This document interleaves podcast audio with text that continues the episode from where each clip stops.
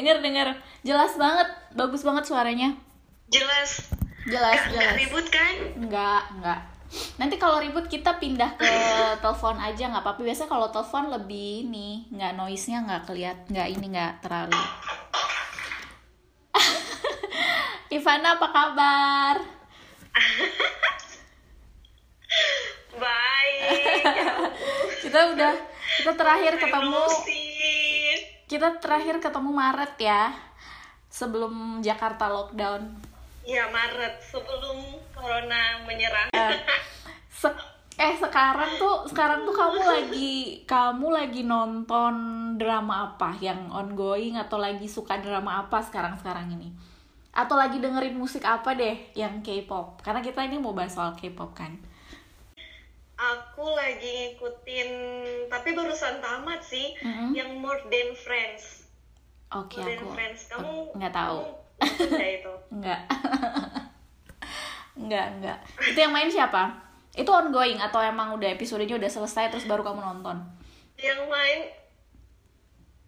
udah selesai sih, barusan Hmm. selesai. Eh, yang mainnya tuh kamu tahu ini nggak sih Ong Seng Ong Ong Ong Seng ya? Yang member One One. aku nggak tahu. Maaf aku nggak tahu one one itu siapa juga aku nggak ngerti. Kalau oke itu itu dramanya. Itu dramanya More Than Friends. More Than Friends. Terus kalau musiknya lagi suka dan lagi sering dengerin apa? SM pasti musik kan? sih, aku lagi aku lagi ngikutin NCT aku. NCT Kalau musik ya, Mm-mm. dan NCT itu adalah boy band di bawahnya agensi SM Entertainment ya iya iya.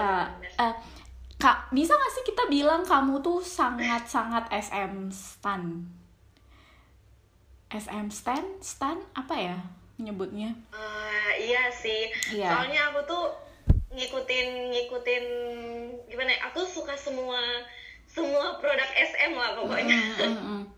dari kakak-kakaknya sampai adik-adiknya tuh aku suka semuanya dari Hmm. SNSD, Suju, terus ke EXO, Red Hmm. Velvet, NCT dan bahkan yang terbaru sekarang kamu tahu nggak? Espa baru- Espa baru bukan debut. adiknya Red Velvet Iya, Espa, Espa Hmm. ya.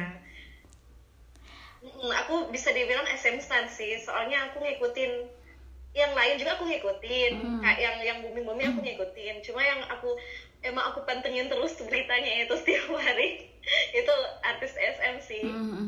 kalau musik tuh kamu tahu sendiri apa dikenalin temen maksudnya eh dengerin dong ini K-pop bagus nih artis ini gitu Itu.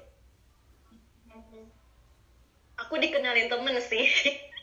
Jadi ada temen kosan aku, em, dia kita sering tukar-tukaran ini kan, kayak ngambil em, drama Korea gitu. Nah terus dia tuh selain suka drama Korea, dia juga suka idol-idol dan Hmm. terus di inilah aku dikasihlah virus K-pop itu. Mm, mm. Jadi dia kayak ngasih apa sih downloadan dramanya itu. Mm, mm, mm. Nah di dalam harddisknya itu tuh ada filenya SNSD. Aku penasaran kan. SNSD, SNSD ini siapa ya? Aku nggak tahu beneran. Aku sama sekali nggak tahu.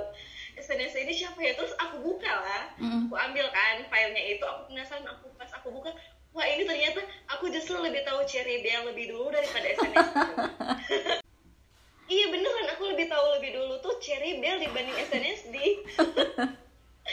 Tapi pas aku lihat tuh kayaknya, ih mereka bagus banget ya, Hmm. Eh, dance-nya bagus, terus eh, nyanyi live-nya juga bagus gitu. Mm. Akhirnya aku mulai ikutin SNSD, terus merambatlah ke Super Junior. Hmm. Dan ternyata aku baru tahu, aku kan suka nonton drama kan. Mm, mm. Nah ternyata si Yuna itu kan main drama. Aku baru tahu lah dia kan yang main di drama You Are My Destiny yang sering aku nonton. Aku baru tahu dia Yuna SNSD. Eh, tapi sebenarnya sebelum sebelum kena virus K-pop ini kamu tuh sebenarnya penggemar emang emang seneng dengerin musik nggak sih Ivana? Dan ada nggak kayak genre musik tertentu Iya, yang bener. kamu Aku seneng, aku seneng dengerin musik. Hmm. Ya emang seneng sih dengerin musik tuh dulu zaman zamannya Ten to Five. Ya kan kamu tau Ten to Five nggak? Iya iya tahu itu zaman kita banget Nah, lah pokoknya. MTV waktu Nah. MTV kan aku sering mantengin MTV chat mingguannya tuh aku sering mantengin. Mm-mm. Nah, jadi aku sih nggak pas aku lihat kayak Korea karena aku juga suka musik ya. Mm-mm. jadinya aku langsung suka sih sama ininya mereka. Kamu berarti kan awalnya emang udah suka musik kan? Terus eh, kenal sama K-pop apa yang kamu lihat? Gila nih beda nih kayaknya sama musik jenis musik lain genre musik lain. Eh, kan biasanya kita tuh lebih lebih kalaupun kita mengonsumsi musik dari luar tuh mungkin yang lebih kena message-nya adalah kalau misalkan itu berbahasa Inggris. Tapi ini ada yang musik dengan maksudnya dia pakai bahasa Korea dan itu kita kan sama sekali nggak tahu Bahasa artinya gitu kan tapi seneng gitu. Menurutmu ya ya apa yang bikin bikin musik K-pop itu terus kok jadi bisa diterima gitu sama sama semua orang bahkan sampai eh, seluruh dunia gitu kalau aku sih lihatnya pertama tuh full package ya mereka. Kayak semuanya tuh ada di mereka. Kita mau cari apa pun ada di mereka. Mau cari yang suaranya bagus ada. Mau cari yang dance-nya bagus ada. Ya kan?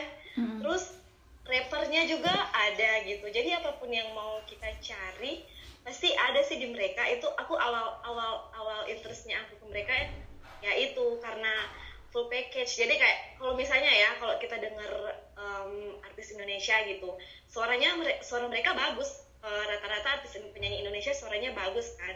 Nah, tapi em, aku mau nyari yang ngedance tuh nggak ada gitu. Palingan Agnes Monica. Tapi gue Agnes Monica solo kan gitu karena pas aku lihat K-pop wah ternyata mereka semuanya ada ya dari yang jago nyanyi terus jago dance disatuin gitu di satu grup gitu. Jadi kayak kita melihat satu hal satu video kita bisa menampilkan seni yang banyak gitu. Nggak cuma satu aja. Mhm. ada um, um, nyanyi sama dance-nya juga. Itu sih yang setelah aku mempelajari mereka ya. Mm-mm. aku lihat tuh mereka kenapa sampai bisa mengglobal ya kayak sekarang itu tuh karena mereka pakai kayak sistem uh, one apa sih namanya one source multi use gitu Mm, mm. jadi kayak uh, mereka tuh pakai satu sumber tapi dengan banyak kegunaan ngerti nggak Hmm. jadi misalnya aku nonton drama Korea kan Mhm. Nah, aku nonton drama Korea. Terus yang ngisi OST-nya itu idol-idol kan. Otomatis kalau aku nonton drama Korea terus aku denger OST-nya, aku kan tanya, "Eh, bagus banget sih ini lagunya. OST-nya siapa yang nyanyi?" Nah, aku cari kan itu di internet, siapa yang nyanyi ya, ya OST-nya. Oh, ternyata si idol ini. Oh, ternyata si idol ini. Mulailah ikutin idolnya kayak gitu. Ataupun misalnya nonton drama Korea. Terus mulailah kita mempelajari kayak budayanya mereka, cara mereka ngomong, terus makanannya mereka gitu jadi mereka benar-benar menggunakan cuma dengan satu tapi banyak hal yang bisa kita terima jadi kita pasti kalau tahu satu kita akan tahu banyak Hmm. hal lagi gitu di sana jadi akhirnya mereka udah menyebarkan budayanya mereka juga kan ke kita itu sih yang bikin mereka cepet eh, apa bukan cepet sih em, jadi bisa mengglobal kayak sekarang tuh kayak gitu apalagi dengan adanya internet kan Mm-mm. uh, YouTube. Jadi orang-orang tuh gampang banget untuk mencari apa aja yang mau mereka lihat dari K-pop gitu sih. Tapi kalau dari musiknya yang kamu bilang tadi full package gitu, di mana kita di situ eh, ada pem- pembagian peran, ada main vokal, ada main dancer, apa segala macam Korea tuh ada di situ musik K-pop tuh gitu kan kalau di girl group sama boy groupnya gitu. Tapi kadang-kadang tuh banyak juga orang yang ternyata eh, nganggap mereka itu nggak jualan musik, maksudnya dalam artian kayak musik dalam kayak secara general gitu. Maksudnya memang mengandalkan suara memang musikalitasnya bagus gitu.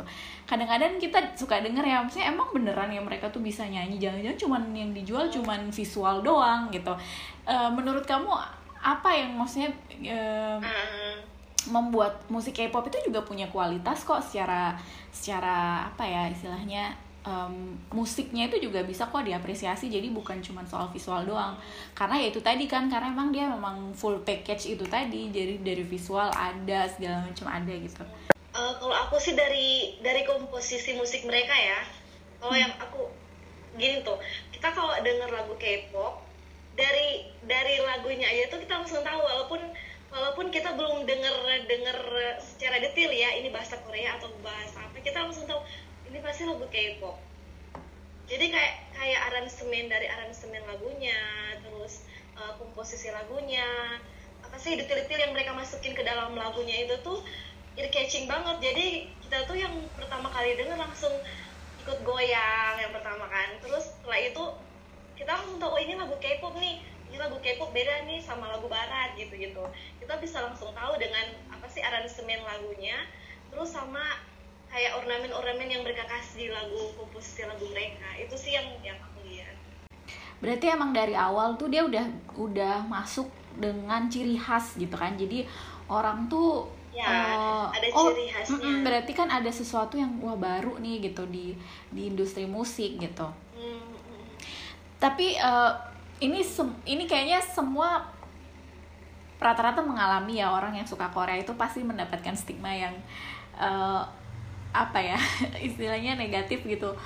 Kenapa suka iya kenapa suka kenapa suka Korea gitu suka ya pasti banyak lah anggapan-anggapan yang kayak pertama mungkin terlalu terlalu mendewakan gitu kan idola-idola Korea terus dianggap lebay lah berlebihan terus um, apa nggak nggak nggak apa mungkin kalau cewek nggak nggak terlalu berasa tapi um, aku aku nggak bisa kebayang gimana cowok yang terus suka sama K-pop kemudian dipertanyakan maskulinitasnya gitu.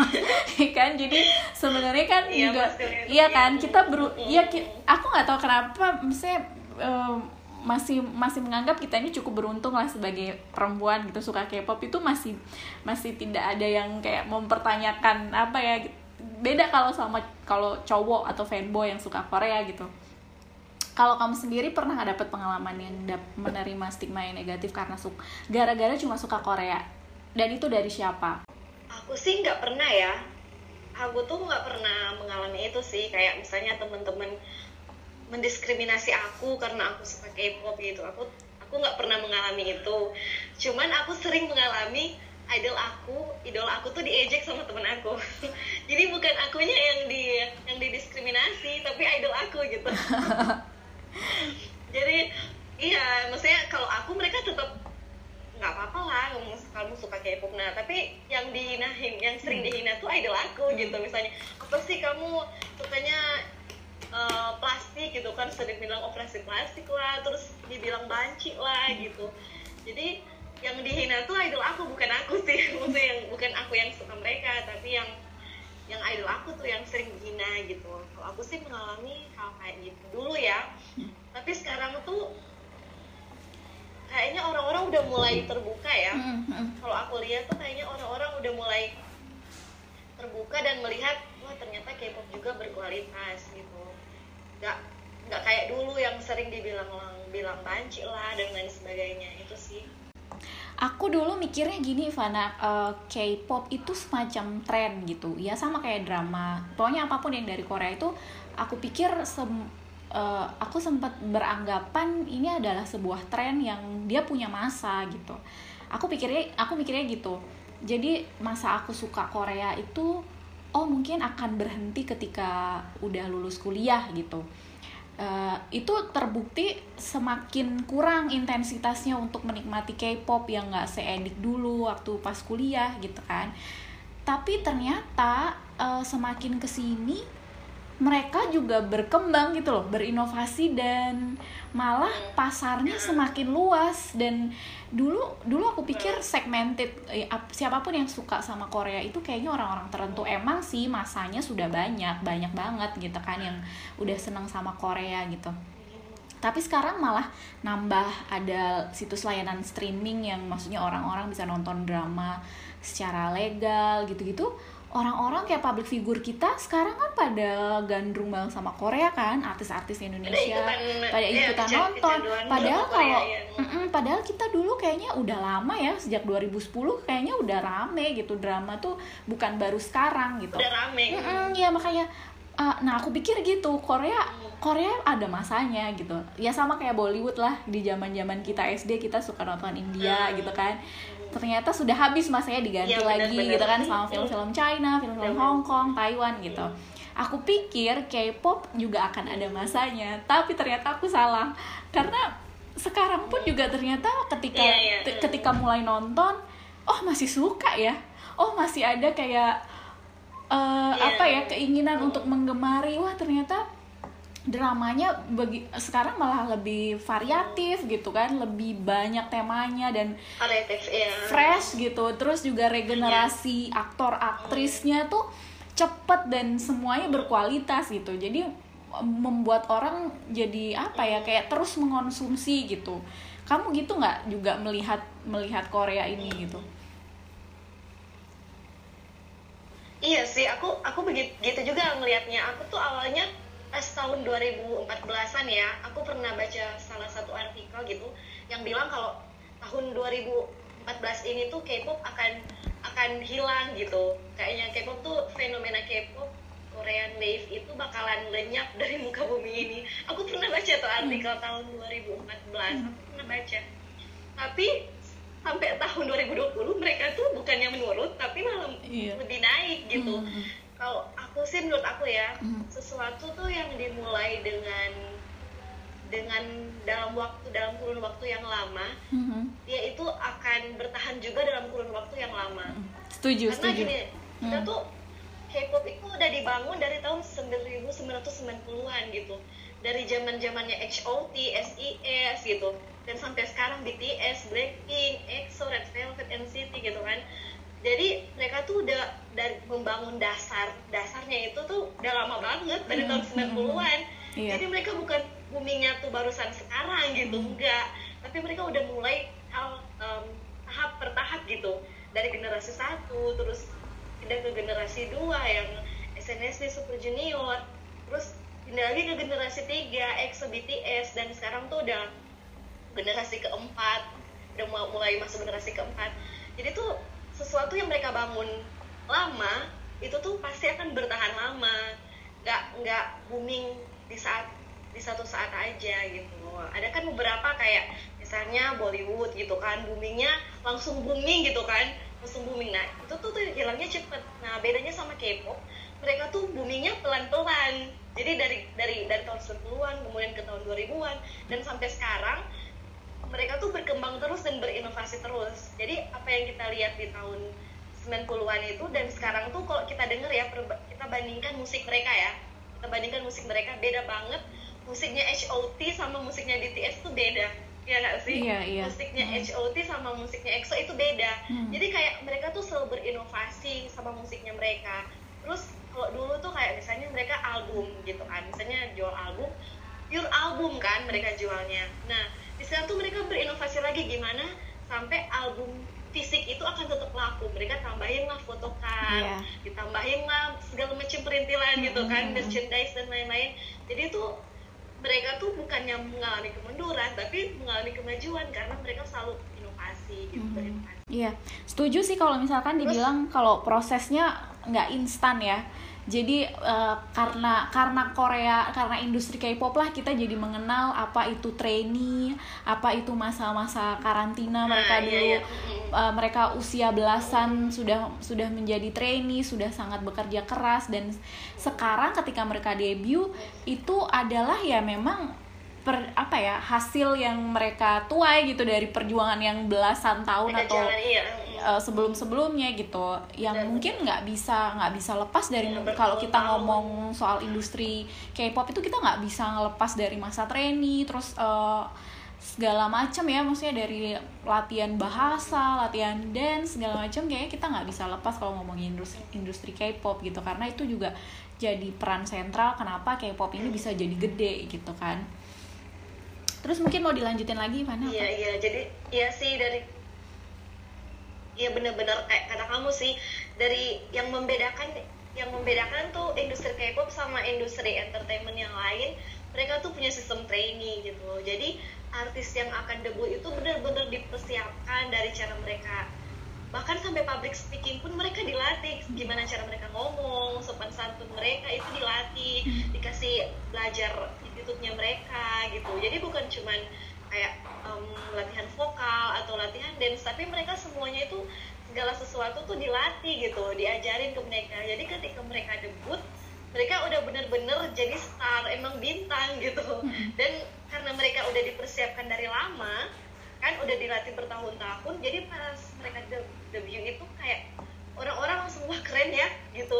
Jadi aura bintangnya itu langsung keluar karena mereka dilatihnya itu juga butuh waktu yang lama gitu nggak instan Hmm. itu sih yang bikin mereka tuh bisa bertahan sampai sekarang ya karena itu sistemnya mereka itu udah udah benar-benar matang gitu Hmm. mereka benar-benar memikirkan segala macamnya gitu dari dari musiknya sampai mereka tuh beda banget kalau misalnya ya kita tuh mau em, artis kita mau comeback gitu kalau yang lain kan ya udah rilis lagu aja gitu kan nah mereka tuh kayak bertahap banget diumumin lah misalnya ya BTS akan comeback, EXO akan comeback gitu kan misalnya. NCT akan comeback. Nah habis pengumuman besoknya mulai rilis teaser gitu kan rilis eh, rilis eh, foto-foto foto-foto mereka gitu. Setelah itu baru dibuka PO album. Nah jadi tuh kayak penggemar itu jadi ikut ikut aktif untuk merayakan debut mereka atau merayakan comeback mereka gitu. Jadi itu yang bikin mereka bertahan karena mereka K-pop itu membangun fandom. Hmm. Hmm, hmm, hmm. K-pop itu membangun fa- fandom. Karena tipikal fandom itu kan mereka setia kan. Jadi mereka akan tetap bersama-sama dengan idolanya itu sampai kapan pun gitu. Walaupun mereka udah nikah mungkin mereka nggak akan aktif lagi ngikutinnya. Tapi ketika idolanya comeback atau ngadain konser mereka pasti akan beli albumnya atau akan datang Nonton. konsernya itu yang bikin K-pop juga bertahan sampai sekarang itu karena mereka membangun fandom. Hmm. Nah, ya sekarang menarik nih ngomongin soal fandom. Eh, ya pastilah bu, bukan cuman bu- bukan bukan untuk eh, musik K-pop aja gitu. Semua semua yang terjun ke dunia entertainment, maksudnya eh, yang mm, apa ya menyebut diri mereka artis gitu, public figure gitu, pasti dia punya pengikut kan, pasti dia punya fans gitu, dia punya uh, penggemar gitu. Tapi kalau kita ngomongin penggemar K-pop itu udah sangat beda lagi kan, ya kan? Maksudnya dia mereka punya Iya, budaya iya. sendiri Mm, mm, gitu. Nah, uh, punya punya dunianya sendiri Yes, punya budaya iya kan? sendiri gitu dan Hmm, itu hmm. dan itu ranah yang ternyata sangat menarik gitu ya kalau kalau kita orang-orang komunikasi maksudnya Iya. yes thank God gitu kita kuliahnya komunikasi yang maksudnya ini bisa dilihat sebagai sebuah fenomena yang bisa Benar. diteliti ya kan Ivana? Kita ngomongin ini. Iya benar kapan kamu terus mulai tertarik dan menyadari bahwa fenomena K-pop ini bisa bisa kok diteliti dan bisa dibawa ke ranah akademik? Secara eh, dan kamu bisa nggak ceritain nanti sedikit gimana eh, akhirnya kamu memutuskan untuk membuat tesismu eh, yang berbau K-pop oke. Jadi itu awalnya kan aku ngambil eh kita barengan kan berduanya. Ngambil S2 2015 ya? Mhm. ya 2015 tuh aku pas waktu itu kita belajar teori komunikasi. Kamu ingat nggak? Kita belajar Ya. teori, teori komunikasi terus dikasih salah satu jurnal dan kita bahas tentang K-pop. Nah dari situ tuh aku aku kan emang awalnya udah udah suka K-pop. Mhm. tapi aku nggak tahu kalau K-pop itu bisa dija- dijadikan bahan penelitian bisa dijadikan sesuatu yang berguna lah untuk orang lain yang mungkin nggak suka K-pop gitu kan. Nah terus pas kuliah S2 itu taruh pas kita belajar tentang teori komunikasi kita dikasih ini kan diskusi kayak jurnal gitu untuk kita bahas tentang K-pop. Barulah di situ aku sadar wah ternyata K-pop bisa dipelajari juga ya. Ternyata bisa dijadikan ilmu juga. Nah terus mata kuliah kita juga kan ada yang kajian budaya dan media. Itu tuh kita bahas tentang industri budaya kan? Industri budaya. Terus Adorno. Ada juga tentang fandom. Hmm. Heeh, ya ingat nggak? Nah, itu dari situlah aku aku benar-benar wah ternyata sesuatu yang aku cintai sesuatu yang aku gemari itu bisa berguna juga. Itu tuh bisa dijadikan ilmu dan dipelajari orang oleh orang lain. Dan bisa berguna juga untuk penambahan ilmu pengetahuan gitu. Dari situ sih aku sadar ternyata bisa uh, sesuatu yang aku cintai itu bisa dipelajari sih. Eh, dulu penelitiannya tentang apa Ivana? Bisa cerita Nah, nggak? mm. oh, nah dari situ kan dari pokoknya yang pas kita belajar komunikasi Kajian eh, budaya. kajian budaya Hmm. dan media dari situ tuh aku mulai mempelajari fandom Hmm. dari situ mm, aku mulai mempelajari fandom dan aku menemukan em, sesuatu yang wah kayaknya aku harus teliti nih gitu karena kebetulan aku tuh fans berat SNSD kan aku tuh Sowon fans berat SNSD seorang Sowon nah dari situ tuh pas aku mempelajari itu ternyata uh, fandom K-pop itu unik banget gitu. Kayak mereka tuh aktif banget di media sosial. Terus um, sering banget uh, ngadain project-project. Terus um, apa sih namanya mereka tuh kayak di Instagram tuh sering upload-upload berita-berita terbaru dari dari artis mereka dari idol mereka. Nah dari situ tuh wah ternyata fandom K-pop itu bisa berguna juga ya. Saya bisa menambah pengetahuan juga kayak uh, aku Sowon aku bikin satu akun terus aku cari-cari berita tentang SNSD di upload gitu. Aku tanpa sadar aku bisa menjadi seorang uh, citizen jurnalis jurnalis gitu.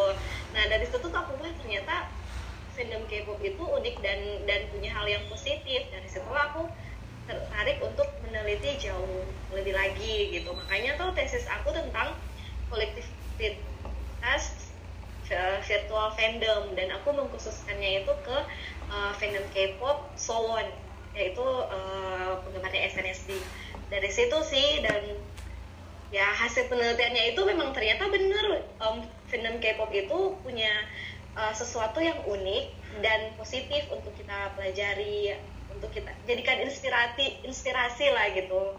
Jadi kayak mereka ngadain fan art terus terus sering ngadain juga um, fan sharing gitu kan. Jadi kayak aktif banget gitu. Terus sering ngadain juga um, pengumpulan dana untuk kebutuhan-kebutuhan anak-anak atau bikin sekolah. Kalau misalnya adanya lagi ulang tahun itu sih yang bikin wah bagus banget ya ternyata kalau fandom K-pop gitu sih.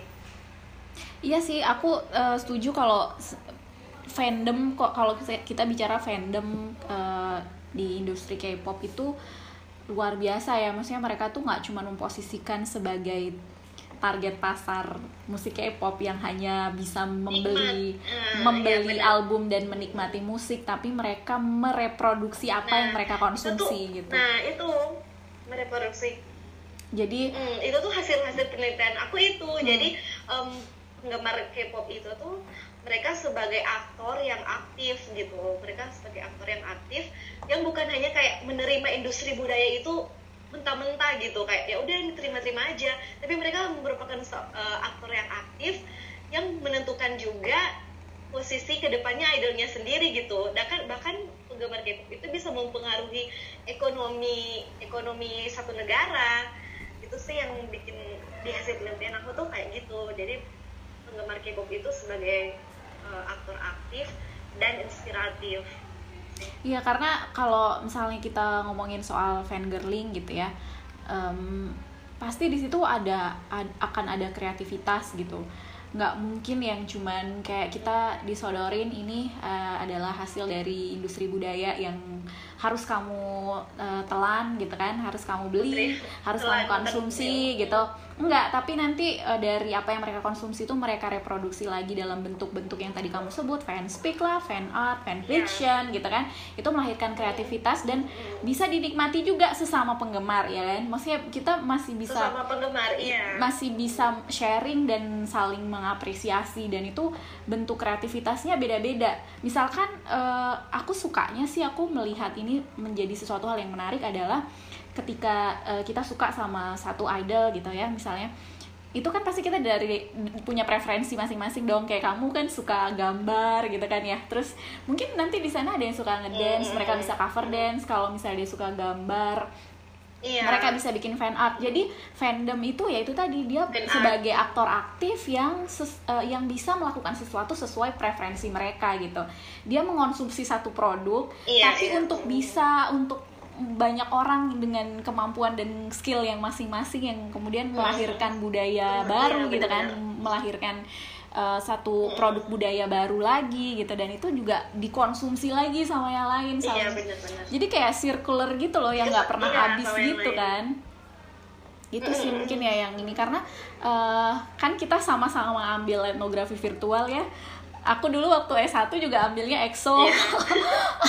tapi aku lebih ke Twitter sih lebih ke kayak sebenarnya kurang lebih sama sih penelitian Hmm. kita eh, gimana kemudian fandom itu kurang lebih sama ya, Iya, ya. menerjemahkan. Cuman aku Instagram kan Eh, eh, gimana fan, eh, fans itu menerjemahkan apa yang mereka konsumsi dan kemudian direproduksi lagi dengan bentuk yang sangat beragam dan itu bisa dinikmati Iya. lagi gitu kan Eh, ada budaya di situ kan ada ada proses eh, apa melahirkan suatu budaya baru lagi di situ. Dan itu sangat menyenangkan ya nggak sih Ivana? Maksudnya eh, kalau ngomongin soal peneli- Iya, penelitian gitu apalagi kalau misalkan udah tugas akhir menjelang kelulusan itu kan pasti jadi momok ya ya nggak sih kayak kita wah gimana ya ntar kalau nggak lulus tepat waktu segala macam gitu-gitu Hmm.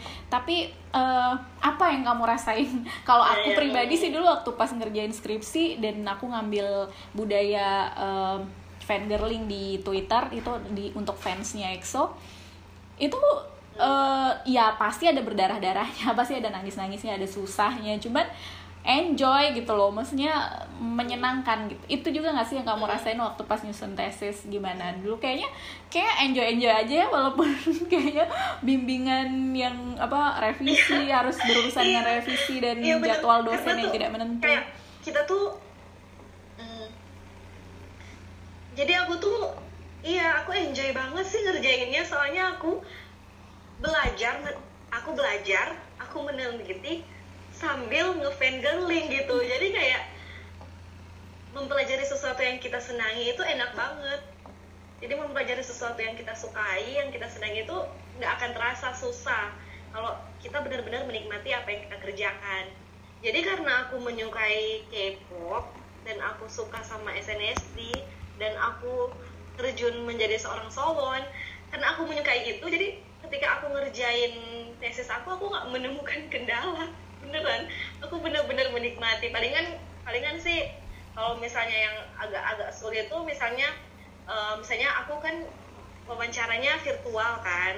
Aku tuh dari dari DM DM-an Instagram. Hmm. jadi tuh palingan misalnya eh, informannya lama banget balesnya gitu kan. Misalnya aku aku chattingnya hari ini dibalesnya beberapa hari kemudian. Sementara dosen pembimbing udah Ivana gimana nih perkembangannya? Gitu-gitu kan. Jadi itu tuh itu sih yang yang yang agak ada kendalanya tapi selebihnya dari itu fun banget sih aku nggak merasakan kendala yang berarti Mhm. enak tapi banget Tapi eh, kalau misalnya kita ngomongin etnografi virtual, aku nggak tahu sih kalau di penelitianmu gimana. Dulu aku eh, metode penelitiannya pengam, peng, maksudnya pengumpulan datanya kan juga pakai observasi, observasi partisipan yang eh, di mana peneliti juga harus terjun Iya, menjadi subjek penelitiannya gitu kan. Jadi ketika aku meneliti soal fandom, soal fans ya kan, kita juga harus menjadi fans, kita harus totalitas gitu. Nah itu kamu bisa ceritain nggak? Kamu Iya, mengalami bener. itu juga nggak? Gimana? aku tuh gini aku tuh awalnya aku emang suka SNSD gitu Hmm. aku, aku suka banget sama SNSD tapi aku tuh belum masuk atau belum kayak belum masuk ke budaya penggemarnya. Hmm. jadi cuman kayak nikmatin nikmatin musiknya gitu gitu aku belum masuk ke budaya penggemarnya. Nah pas aku penelitian otomatis aku harus masukkan ke budaya penggemar itu. Hmm. aku harus ngikutin em, apa aja sih yang diupdate sama Sowon apa aja sih yang dikerjakan sama Sowon. Nah, aku tuh ya ampun aku sampai bikin Instagram akun Instagram penggemar. Padahal tuh Second aku tuh orangnya paling paling nggak mau kalau misalnya ada dua akun Instagram Hmm. atau yang kayak gitu kan tapi karena aku harus terjun langsung jadi seorang Sowon Hmm. dan seorang Sowon yang aktif juga di Instagram Hmm. jadi akhirnya aku bikin aku bikin akun Instagram terus harus update setiap hari kan Hmm. kayak misalnya SNSD tuh hari ini ke mana terus mereka ada project apa mereka ngeluarin apa aja sih hari ini mereka ke mana aja sih nah itu tuh kita tuh harus update setiap hari nah itu tuh yang kadang aku emang kewalahan sih di situ. Maksudnya aku harus ngerjain tesis terus belum lagi ikut organisasi yang lain. Terus harus update update terus tentang SNSD tapi karena aku senang karena aku suka jadi aku mengerjakannya dengan dengan hati yang gembira gitu. Dengan hati yang senang-senang aja yang fun-fun aja. Walaupun emang agak kewalahan aku tuh sampai tidur subuh. Aku selalu tidur subuh selalu tidur subuh kayak jam jam 4 jam 5 dan harus bangun pagi. Harus bangun pagi karena harus ngerjain juga kan tesisnya nah jadi itu tuh yang kayak itu sih kayak em, budaya kehidupan kita tuh jadi berubah gitu. Hmm. aktivitas sehari-hari kita jadi berubah karena harus mengikuti budaya dari fandom itu. Kayak mereka harus aktif di Instagram terus biasanya kan aktifnya itu subuh-subuh kayak atau misalnya tengah malam jam 12 jam 1 updateannya gitu kan nah itu tuh aku agak kewalahan sih di situ yang harus kayak pola tidur itu berubah karena harus ngikutin mereka juga itu Tapi Ya. Ivana kalau kita ngomongin soal fenomena eh, apa ya peluang besar untuk menel- membawa fenomena K-pop ke arah akademis gitu untuk untuk untuk bahan penelitian gitu apa sih yang yang nanti nih mungkin eh, ada yang pengen juga meneliti tentang K-pop apa sih yang ranah yang mana yang belum disentuh Em, aku sih dari yang aku lihat ya, ini penelitiannya nggak nggak harus kalau menurut aku ya nggak harus komunikasi juga, banyak juga ya misalnya kayak uh, psikologi juga bisa. Itu ini yang sering yang sering aku pikirin terakhir-terakhir ini gitu. Eh, kamu tahu nggak sih yang kayak saseng fan gitu? iya iya yang ekstrim ya yang, yang terlalu yang udah tergila-gila banget, mm, mm. ya yang yang ekstrim banget. terus jadi melanggar Uh, privacy Aku kan gitu. yang kita bahas tadi ya, itu Mm. tuh sisi positifnya K-pop kan. Mm, mm, Itu kita melihatnya dari sisi positif. Sementara ada sisi negatifnya juga, yaitu yaitu terciptanya kayak saseng fan gitu. Dan aku tuh nyari-nyari di jurnal kayaknya belum ada gitu. Selama ini aku nyari di jurnal internasional kok belum ada ya yang bahas tentang saseng fan gitu. Aku tuh pengen banget kayak ada misalnya dari dari dari anak psikologi atau apa gitu yang bisa bahas tentang masalah kejiwaan mereka itu kan menurut aku ya itu kayak udah udah bukan orang yang normal lagi gitu udah bukan kayak penggemar penggemar normal kayak kita mereka tuh kayak udah di dimensi lain Hmm. yang yang udah aneh banget gitu dan sikap-sikap mereka tuh menurut aku tuh perlu diteliti kenapa sih bisa sampai kayak gitu Mm-mm. bisa sampai kayak edik dan terus kayak itu tuh udah merusak diri mereka juga sendiri kan Hmm. merusak diri mereka merusak idolnya juga mengganggu idolnya juga gitu Hmm, hmm. aku penasaran sih untuk selanjutnya tuh ada yang bisa meneliti tentang mereka Iya sih, menarik sih kalau misalnya kita ngomongin soal penggemar, kalau eh, ternyata memang ada dua sisi ya. Kalau di positifnya tadi mungkin mereka dengan melahirkan kreativitas kreativitas baru gitu dari apa yang mereka konsumsi. Tapi di satu sisi juga itu tadi ya ada saseng fans yang ternyata keberadaan mereka juga eksis ya. Ternyata semua kayaknya semua idol punya saseng dan iya mereka dan punya iya nggak Hmm. ada tuh idol yang nggak punya saseng dan saseng pasti akan akan diasosiasikan dengan perilaku negatif gitu karena ya selain kayak mereka tuh terlalu melang- Hmm. terlalu masuk ke privasinya idol gitu kan dengan cara yang tidak wajar kayak Tidak. menyadap ya kan dia jadi kayak hacker kayak stalker kayak iya menyadap Iya, terus benar. mereka bahkan sampai masuk masuk ke dalam ke dalam apartemen Mm, mm, mm, itu jadi- idolnya itu itu kan bahaya banget Pa- iya mm. eh, dan mereka jadi itu kayak mengatasnamakan ya karena terlalu cinta gitu sama idolanya gitu kan kecintaan kecil ya Padahal itu kan sudah Iya, di luar batas kewajaran ya. iya mm, mm. Iya sih menarik. Tapi eh, kalau kalau menurutmu, menurut prediksimu, eh, tren K-pop ini akan sampai kapan, Ivana? Apakah masih punya umur panjang ke depan atau dia akan stuck di atau enggak gini? Eh, bisa nggak kita mengejar Korea menurutmu kalau di industri hiburan kita? Atau apa yang kayaknya ya walaupun ya walaupun susah tapi kan bukan nggak mungkin kan bisa. Kalau menurutmu gimana? Dia akan masih punya umur panjang nggak ke depan? Kalau aku sih iya, karena gini, aku setelah aku mempelajari lagi, sekarang tuh K-pop bukan globalisasi lagi tujuan mereka, tapi lokalisasi. Jadi kamu tahu nggak NCT? Aku kan aku lagi ngikutin NCT kan. gimana Nah, aku tuh ngikutin NCT dan mereka itu mereka itu tuh dibuat akan dibuat ke depannya di berbagai negara. Jadi nantinya akan ada NCT Indonesia, akan ada NCT Jepang, akan ada NCT Amerika, kayak gitu. Jadi itu K-pop sekarang tujuan mereka tuh bukan globalisasi lagi, tapi lokalisasi. Jadi produknya mereka, tapi mereka bikin di negara-negara gitu. Eh, itu Jadi dengan misalnya kayak NCT, dengan NCT kan artis lokal juga ada yang to Seven Korea, terus gimana? Eh, itu dengan artis lokal nggak? Kayak misalkan NCT Indonesia oh berarti dia akan grup-grup iya artis iya lokal. Hmm, lokal. tapi di Jadi bawah bukan- SM gitu. bukan orang Korea yang yang debut di Indonesia enggak. Hmm. jadi orang Indonesia yang debut di Indonesia atas nama brand NCT Hmm. jadi kayak NCT kan udah ada yang Korea waktu Seven. Mm-mm. terus mereka yang Wavy yang unit NCT Wavy itu yang Cina. Jadi orang-orang Cina yang debut di Cina atas nama NCT brandnya itu NCT gitu. Dan mereka produk Korea. Jadi mereka tuh dari apa sih latihannya di SM Entertainment. Latihannya di Korea tapi mereka debut di negara mereka dan Hmm. mereka orang lokal orang orang orang orang negara itu gitu Hmm.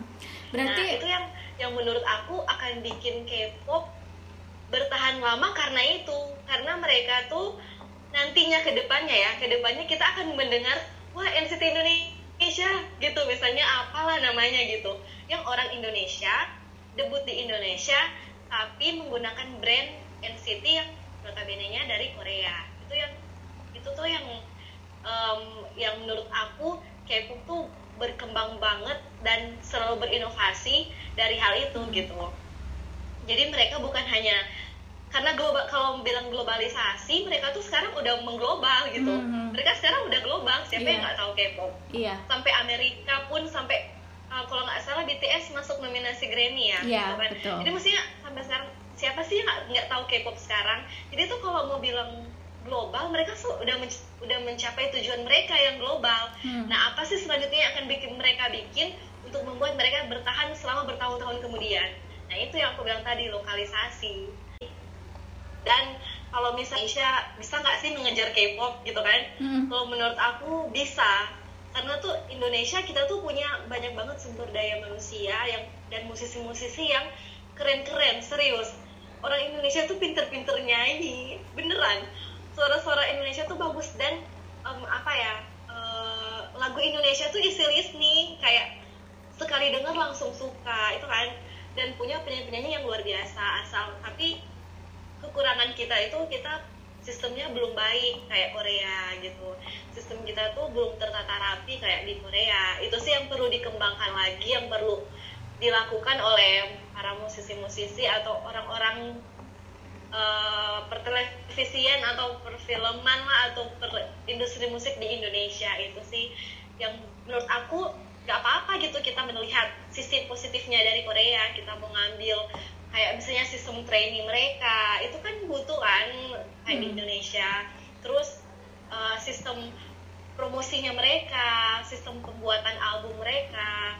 Karena kalau mau dibilang industri Indonesia sekarang menurut aku lagi mengalami kemunduran. Jadi nyanyinya tuh jarang banget rilis album. Iya pasti nggak single sih? single doang gitu. Kebanyakan tuh sekarang rilisnya single single. Musiknya itu tuh berjalannya lambat menurut aku. Jadi berjalannya itu nggak nggak nggak cepat dan malah jadi stuck di tempat. Karena eh, musisi-musisi lebih aktif eh, di Instagram promosi apalah jadi endorse Heeh. lah gitu kan Iya. daripada ngeluarin musik Mm-mm. Sementara di K-pop mereka setiap tahun ngeluarin album dan albumnya itu tuh bukan cuma satu lagu, itu sampai belasan lagu dalam satu album. Mm-mm. Dan kita dengerin terus musik mereka itu karena mereka selalu berproduksi, mereka selalu produksi musik. Iya sih berarti produktivitas itu juga penting ya Eh, produktivitas dan eksistensi dan eh, totalitas mungkin ya maksudnya nggak yang setengah-setengah. Kalau Korea sih kita udah nggak mempertanyakan lagi soal totalitas kayaknya ya. Eh, karena itu tadi yang udah dari awal muncul dengan full package itu tadi gitu. Tapi tadi kalau kita ngomongin soal lokalisasi itu jadi ranah penelitian yang menarik juga ya buat dikulik ya nggak sih? Eh, ketika dulu kita penelitian kita akan memasukkan globalisasi kan? Maksudnya dengan penyebaran atau disem- diseminasi K-pop itu mengglobal gitu. Itu pasti Iya, kita akan iya, memasukkan yang namanya globalisasi. globalisasi. yes itu keyword yang penting gitu kan. Dan nggak kebayang besok akan ada akan ada istilah Hmm. lokalisasi yang dalam arti yang berbeda gitu. Kan kalau kalau lokalisasi kan kita lebih ke menjurusnya Ya, ke mana bener, gitu. bener, tapi bener. ternyata kalau dibawa ke industri K-pop itu menjadi uh, definisi yang Hmm. berbeda gitu punya definisi yang berbeda dan pastinya akan menarik juga Yang- untuk ya, untuk hmm, di hmm. untuk diteliti tapi Ivana uh, beberapa bulan yang lalu sekitar kita kapan ya ketemu di Perpusnas itu juga kita pernah ngomongin soal uh, penelitian juga di ranah psikologi ya lebih ke lebih ke waktu pas ada ada beberapa idol K-pop yang uh, bunuh diri gitu kan sebenarnya ini juga menjadi satu sisi kelam dari sebuah industri K-pop di mana mereka tidak uh, agensi-agensi tempat mereka bernaung itu tidak terlalu memperhatikan itu gitu. Ternyata regenerasi yang begitu cepat terus juga uh, artis-artis baru yang bermunculan yang kemudian meredupkan uh, popularitas senior senior mereka gitu. Kita kita nggak bisa membantah itu gitu karena itulah yang terjadi sekarang gitu kan dan itu ternyata berpengaruh juga ke psikis mereka sampai akhirnya mereka memutuskan untuk uh, bunuh diri gitu. Dan itu uh, sangat disayangkan kemudian juga berdampak sama penggemar-penggemar mereka ya nggak sih? Yang sampai kita uh, membahas waktu itu apakah bunuh diri itu menular Iya, gitu iya, kan? iya, karena benar. saking cintanya sama uh, peng, apa? sama idol mereka sampai ada yang ikut-ikutan juga gitu Uh, kalau menurutmu ini juga bisa nggak sih menjadi menjadi kemudian uh, tema penelitian yang uh, bisa juga gitu di, di di apa ya pastinya dikerjakan gitu untuk untuk untuk di fenomena K-pop ini selain kita ngomongin soal yang positif positif soal penggemar gitu menurutmu gimana kalau soal ini Hmm. Menurut aku iya sih. Itu justru harus menurut aku harus diteliti kayak gitu. Eh, itu kayak ada apa sih dengan K-pop? Maksudnya ada apa sih sampai bukan cuma satu loh yang bunuh diri itu ada banyak yang bunuh diri gitu. Pasti eh, di dalamnya itu ada ada lah yang yang sistemnya itu tuh yang yang belum tertata dengan dengan dengan baik gitu yang di dalamnya itu kalau masalah masalah kualitas di luarnya itu tuh udah bagus banget menurut aku. Tapi masalahnya tuh yang di dalamnya. Jadi kayak intern intern em, misalnya idolnya sama perusahaannya atau lebih ke misalnya idolnya sama penggemarnya itu sih lebih lebih ke dalam ke dalamnya yang menurut aku ya yang harus diteliti. Dan kayaknya itu juga belum ada ya yang teliti kayak misalnya atau udah ada belum sih yang teliti? Aku aku belum ini kasus- juga kasus belum gitu, belum searching sih lebih jauh juga. Cuman kalau yang kalau kita ngomongin soal penelitian dengan tema fenomena K-pop itu mungkin kayaknya lebih ke yang eh, kalau di HI biasanya untuk soft negotiation gitu kan gimana caranya membangun hubungan bilateral melalui K-pop kayak gitu kalau Hmm, terus kalau sih misalnya gini ya gimana gimana Mm-mm. Kalau menurut aku ya, misalnya kayak kamu bilang tadi kan yang em, regenerasi itu yang terlalu cepat. Nah, kalau aku tuh aku melihatnya dari sisi gimana idolnya itu tuh dalam penggunaan media sosialnya.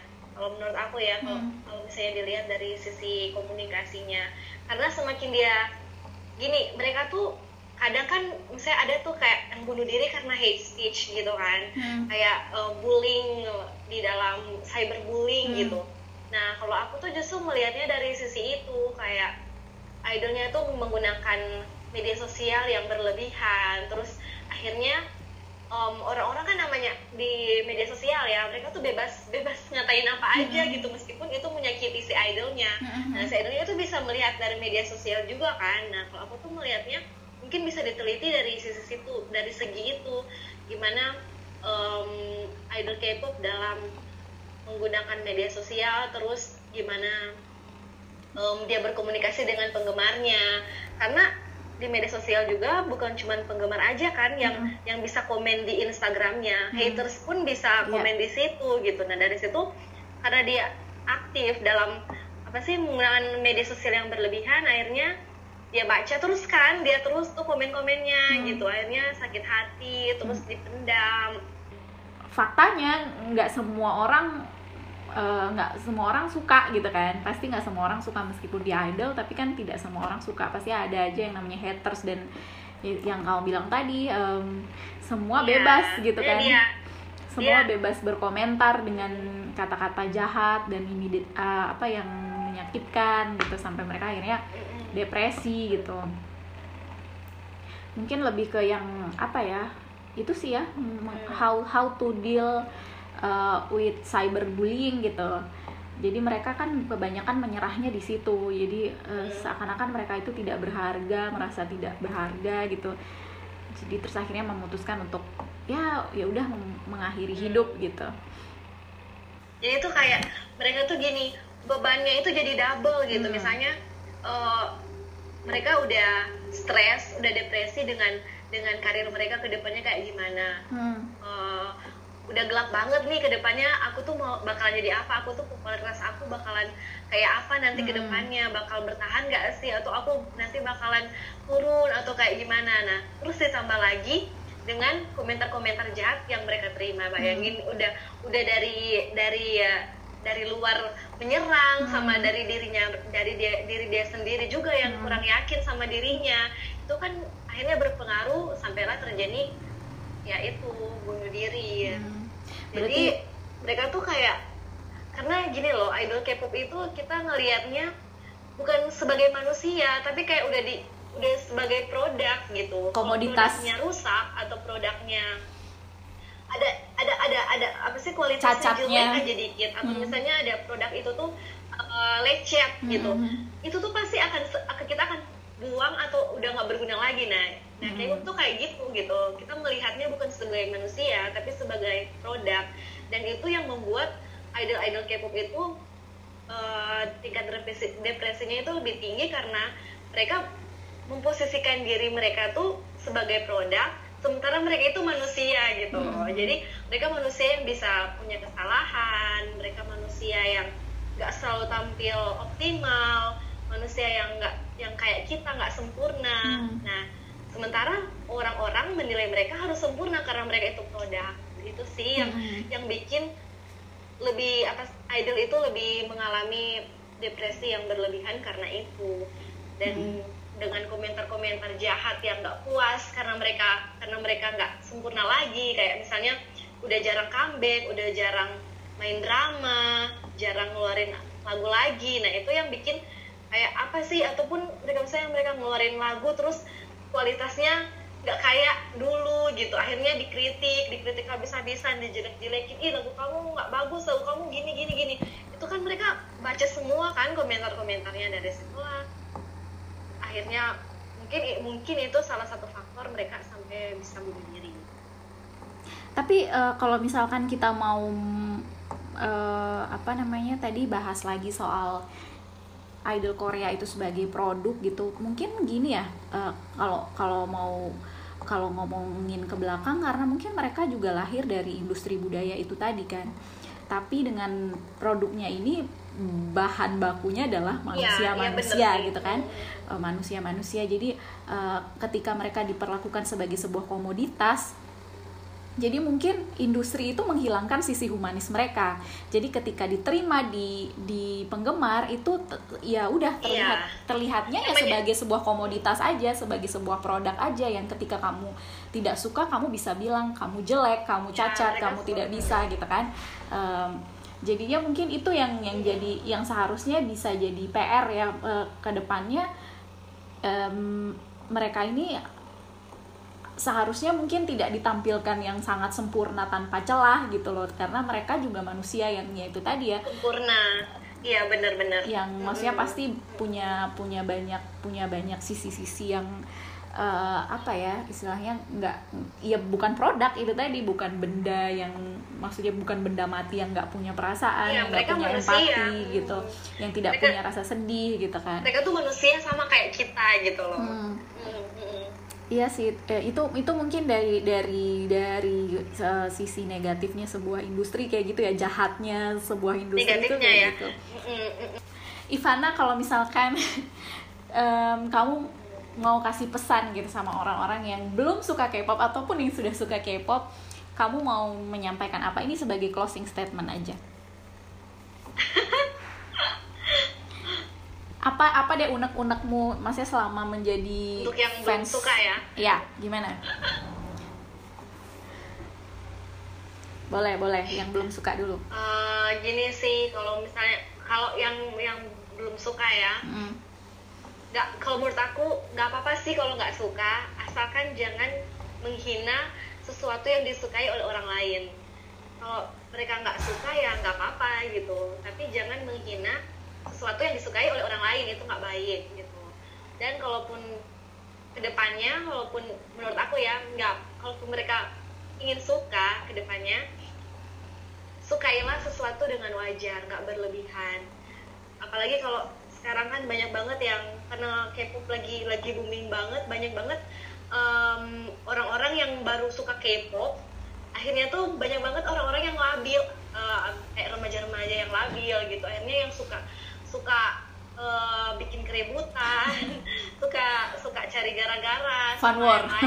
akhirnya nama K-pop ya uh-uh, nama K-popers di ke non non K-pop itu jadi jelek oh ternyata K-pop ini gini-gini ya yang suka K-pop suka suka em, aneh-aneh gitu gitu nah akhirnya kan nama yang suka K-pop jadi jelek padahal nggak semua yang suka K-pop kayak gitu Mm-mm. sih menurut aku kalau menyukai sesuatu yang wajar aja jangan berlebihan. Gitu. Dan kalau yang belum mungkin sekali bisa kali dengar musiknya. Aku ya aku jamin pasti sekali dengar langsung suka. Iya ya atau no- yang belum nonton drama Korea aku yakin aku yakin pasti nonton satu episode aja. Pasti akan berkelanjutan setiap hari. Ada mungkin ada rekomendasi drama yang eh, untuk orang-orang yang belum suka K-pop yang belum belum menggilai K-pop eh be- belum menggilai Korea Korean Wave ada nggak aku sih tergantung genre ya kalau Hmm. misalnya yang suka orang-orang yang suka genre action apa ya Kingdom kayaknya yang yang yang di Netflix itu loh kamu tahu nggak ya yang zombie bukan Kingdom. yang seguk Iya, ya zombie ya, Hmm. zombie. Mungkin kalau kalau yang suka yang tipe drama kayak gitu, yang thriller gitu, itu bisa nonton itu. Kalau yang yang romance, yang romance banyak banget ya. Iya. Sa- satu favoritmu yang kamu rekomendasiin Rekomendasi aku ya, Hmm. rekomendasi aku eh, drama lama sih. Kamu Iya. tahu drama Korea Ghost? nggak tahu oh ghostnya Taekyon bukan Tahu nggak? Nggak tahu Taekyon Bukan, bukan, bukan. bukan ya Itu drama dari tahun tahun 2011. oh nggak tahu itu Eh, yang main siapa Ini Sojisoo, Sojisoo. oh aku nggak nggak nggak tahu Nah itu aku sih rekomendasiin drama itu. Nah. terus kalau kalau dari musik tergantung tergantung orangnya sih mau Iya, mau- tergantung re- mau suka suka genre yang mana karena tuh drama Korea tuh genrenya banyak banget dan pilihan pilihan dramanya tuh variatif. Jadi Iya. final kita milih mau suka yang mana mau suka yang romance, mau suka yang school, mau suka yang anak kuliahan atau tentang jaksa, Semuanya ada ya? Hukum. Ya semuanya ada gitu atau tentang crime kayak cyber eh, eh, tentang dunia cyber itu ada gitu dan sekarang kan yang yang kamu tahu startup Iya. startup? Iya, aku lagi nonton. ya itu kan yang lagi lagi ongoing sekarang kan Lagi dan rame. yang lagi hangat diperbincangkan. Tim Han Ji Pyong dan tim Nam Dosan. Kamu nonton juga nggak? Kamu tim apa? Kamu tim apa? Han Ji Pyong dong. Han Ji Pyong Han Ji Pyong tapi kayaknya banyak banyak banget sih yang yang tim Iya. dia ya ampun. Han Ji Pyong. Dia yang pemeran utamanya. Kayak itu iya. tim pemeran utamanya malah sedikit banget penggemarnya Iya. Karena tapi sebenarnya tapi Han Ji Pyong, aku tuh Han Ji Pyong, tapi tapi ya karena suka sosoknya aja. Kalau kalau kalau ngomongin ya gimana ya, maksudnya kalau tim Han Ji Pyong pun juga nggak mungkin nggak mungkin kejadian kan nggak mungkin mungkin kesampaian kan jadi daripada daripada kita merencanakan patah hati ya mending ya udah sih diikhlasin aja. Jadi aku kalau nonton aku skip skip aja. Aku nonton Han Ji Pyongnya doang.